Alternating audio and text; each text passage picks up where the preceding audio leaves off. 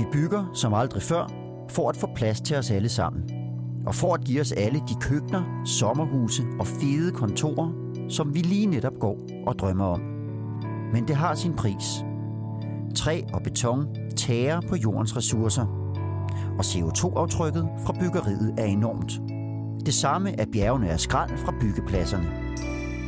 I løbet af mindre end 100 år har vores generation trukket mere på jordens ressourcer end alle vores forfædre til sammen.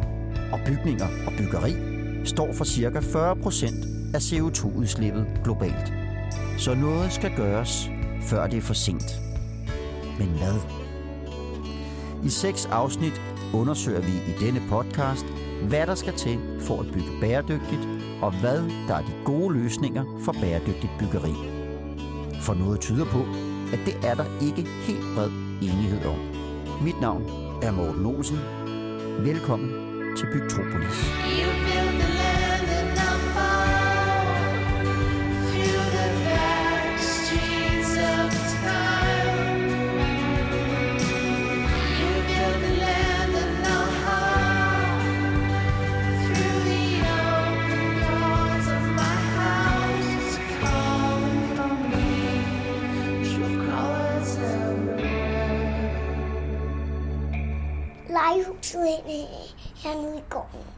Der er fældet nogle træer, så de byggede legehuset.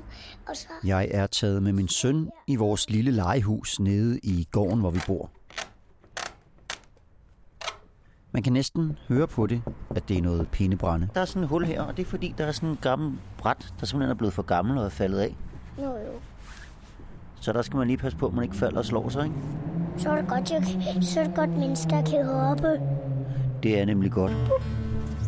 Træhuse er i min verden sådan noget hyggeligt noget, man kan lege i eller tage på ferie i. Eller sådan noget, som Pippi Langstrømpe bor i. Og ja, jeg ved godt, at man kan bygge store, ordentlige, miljøvenlige familiehuse af træ. Men der er alligevel langt fra mine sommerhusminder og forestillinger om træhuse til de skylines, der i de her år tårner sig op i verdens voksende megabyer.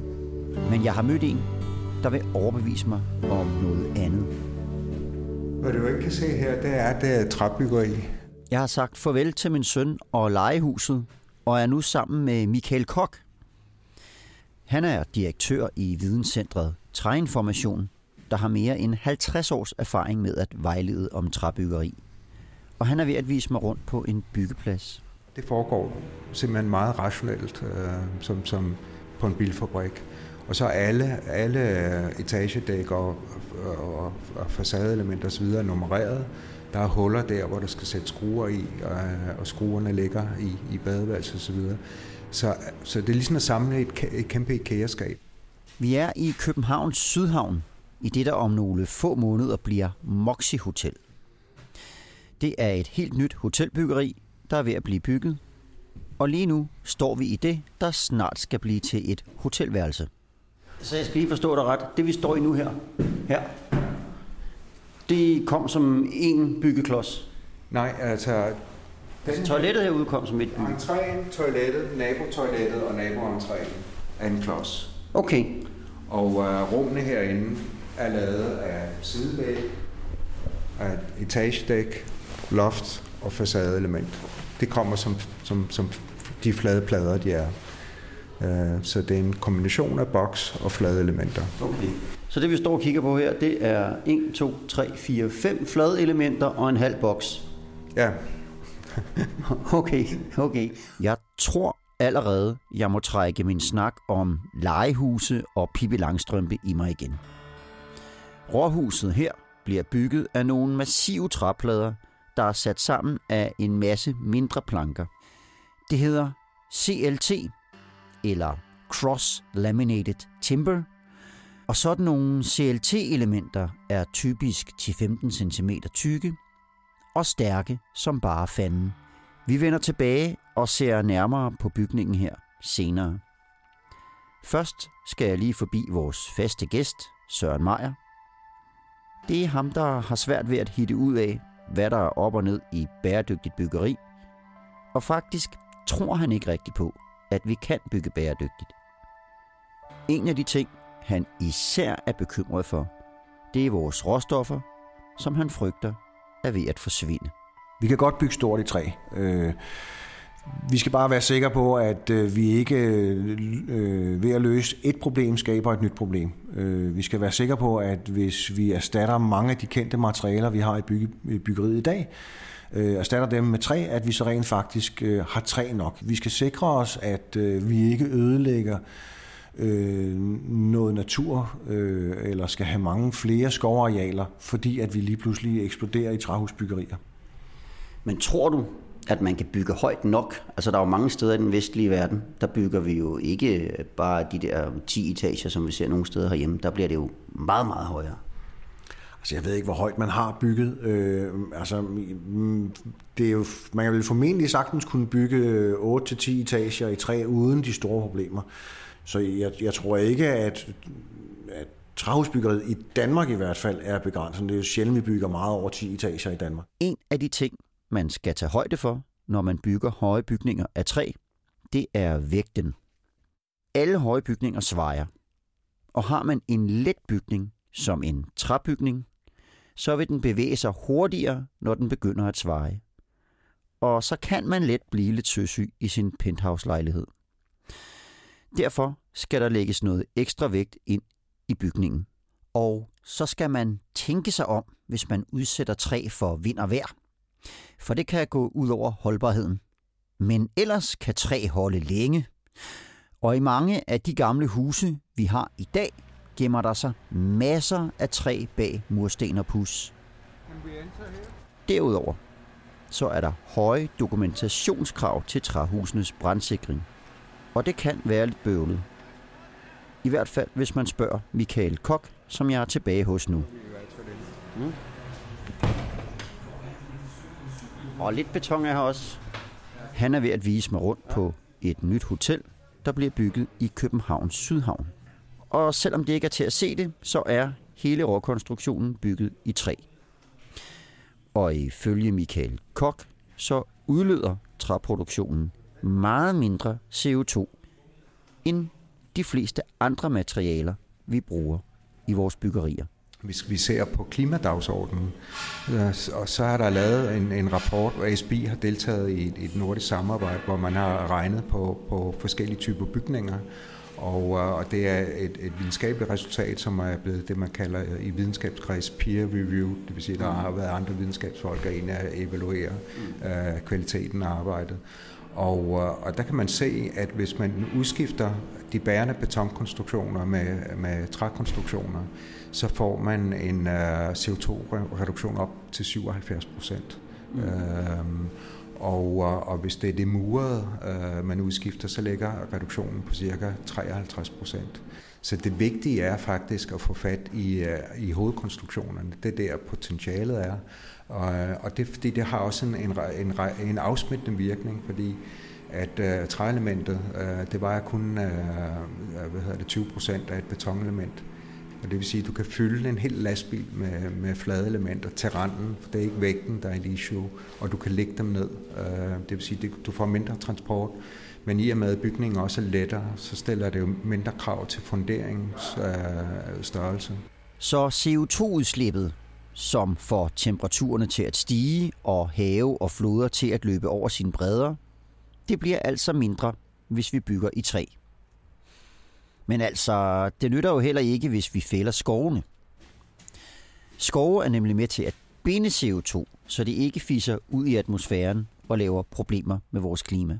Jeg skal lige forstå, på verdensplan, der skal vi jo bygge helt enormt meget de kommende årtier. Og hvis man så begynder at bygge de helt store bygninger på flere hundrede meter i træ, så skal der jo bruges virkelig, virkelig, virkelig meget træ.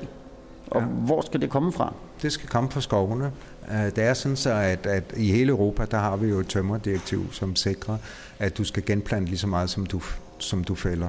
Øhm, og, øh, og øh, derudover så er alle de nordiske skove også FSC-certificeret. Det er sådan et, et bæredygtighedscertificering, og PEFC-certificeret.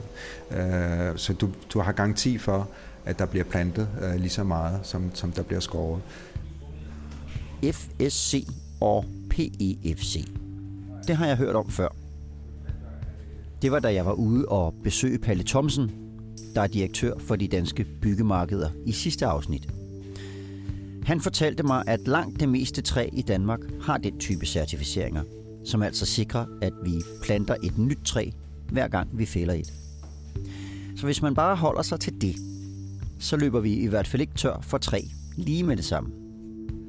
Det reelle scenarie er faktisk, at der er en tilvækst i skovene på hele den nordlige halvkugle. Øhm, og, øh, og det er sådan en, en, en, en kombination af, at man har sørget for at, at, at vækste det, men det er også fordi for papirforbruget falder øh, i, i forhold til tidligere. Så, så der er mere træ til rådighed, end der nogensinde har været. Så, så det er ikke en bekymring, og hvis man skal sætte det sådan i perspektiv, øh, så hvis du laver et, øh, et enfamiliehus i træ, helt i træ, så tager det en dansk skov 44 sekunder at vækste det øh, træ, der skal til. Og hvis du 44 sekunder. Ja, 44 sekunder. Og hvis du tager... Men, men sådan et træ, det vokser, tager jo flere hundrede år om at vokse så stort. Jo, jo, men der er jo hele tiden noget, der er på vej i vækst. Vi har jo træer i alle aldre stående i skoven. Så der er jo noget hele tiden, der står og bliver fældningsklart. Se, det lyder jo besnærende. Så lad os lige lege med tanken et øjeblik og se på, hvordan det ville se ud, hvis man helt kunne udskifte beton med træ. Det har jeg spurgt Peter Andreas Satrup om. Han er chefkonsulent for bæredygtighed i danske arkitektvirksomheder, og han har inviteret mig på besøg her i Industriens Hus i midten af København, hvor han har sin daglige gang. Altså, jeg tror heller ikke, at vi kunne erstatte hele Kinas øh, betonforbrug med, øh, med, med træ, fordi øh, så ville der ikke være meget træ tilbage i Sibirien sandsynligvis i løbet af kort tid. Okay, men mindre kan vel også gøre det. I hvert fald så tror Peter Andreas Satrup på, at træ kan få en større plads i byggeriet, end det har nu. Der bliver jo sådan set øh, begået rigtig mange øh, innovative byggerier i dag, og det bliver eksperimenteret med, sådan, hvordan kan man opskalere trækonstruktioner, sådan så vi for eksempel kan bygge i flere etager. For tiden er vi sådan set op på, at øh, man sagtens kan bygge øh, træ i 8-9 etager. Så mm, jeg anser jo sådan set øh, træbyggeri for et, øh, et, et system, som øh, i højere og højere grad sådan, øh, vil være et øh, konkurrencedygtigt materiale i forhold til betonbyggeri. Men, men det er helt altafgørende, at man, øh, at man har en øh, fornuftig skovdrift, og man certificerer det, man laver. Certificering er i det hele taget en utrolig vigtig proces, øh, når man skal bygge sig bæredygtighed, fordi at det er, man bliver simpelthen nødt til at kunne stå på mål for, hvor kommer tingene fra, og hvordan er det her forvaltet ret langt ned i detaljen, for at undgå det, der hedder burden shifting, altså at man, at man løser et problem, og så forårsager man et andet. Du skal sørge for, at der bliver plantet øh, det samme, hvis ikke mere træ, øh, når du bruger noget. Så på den måde er øh, træ også en ressource, øh, som, som, som, som kan være øh, under pres, og som ikke er uendelig. Og så er vi tilbage på Moxie Hotel i Sydhavnen. Vi kommer op til toppen. Vi er altså helt op under taget, og her der, der kan du ane, at der indgår nogle, noget, noget træ i konstruktionen. Men, men her står vi så, nu er vi kommet op i, på femte sal eller noget. Konstruktionen, den bærende trækonstruktion, er af træ. Så det fungerer jo til at bygge i, i større skala her. Ja, ja. Altså, i, uh, vi, vi har jo i Norge og Sverige øh, bygninger, der er meget højere. Mm. Altså, der, der er i Norge, der har vi høj, højderekorden i øjeblikket med, med 18 etager. Øh, men der er projekter på vej i 2023, og, og det mest ambitiøse, man har i verden i øjeblikket, det er japanerne, der vil fejre den uh, japanske skovforenings 350 års jubilæum ved at lave en 350 øh, meter høj bygning. Øh, som i så fald vil være verdens højeste uh, træbygning. De bærende konstruktioner, de bliver endda også synlige uh, af i træ. Det lyder jo helt vildt. Men der er lige det ved det, at den japanske skovforenings 350 års jubilæum, det er i 2041. Så der er lidt langt til, at vi har de helt store huse i træ. Og selvom vi sagtens kan bygge løs i træ i Danmark, så er det bare ikke alt, vi kan bruge træ til. Og lige meget, hvordan vi vender og drejer det, så er beton det materiale, der fylder allermest i byggeriet. Og det vil det sikkert også gøre i fremtiden. Så det ville jo være rart, hvis det kunne blive mere bæredygtigt. Og det mener Peter Andreas Satrup faktisk, at det kan. Øh, det gode ved det er jo så også, at et betonelement er jo noget, som øh, når først det er op, jamen, så kan det jo i princippet stå i 100 eller, eller, eller øh, år eller længere. Så, øh, så det er jo også noget, som, som, øh, som, som, som har en blivende værdi, kan man sige.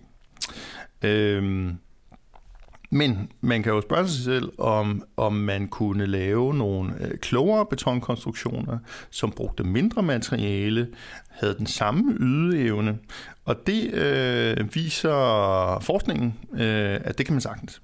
Øh, vi kan sagtens lave betonkonstruktioner, som sparer øh, 50% af materialet øh, med den samme ydeevne.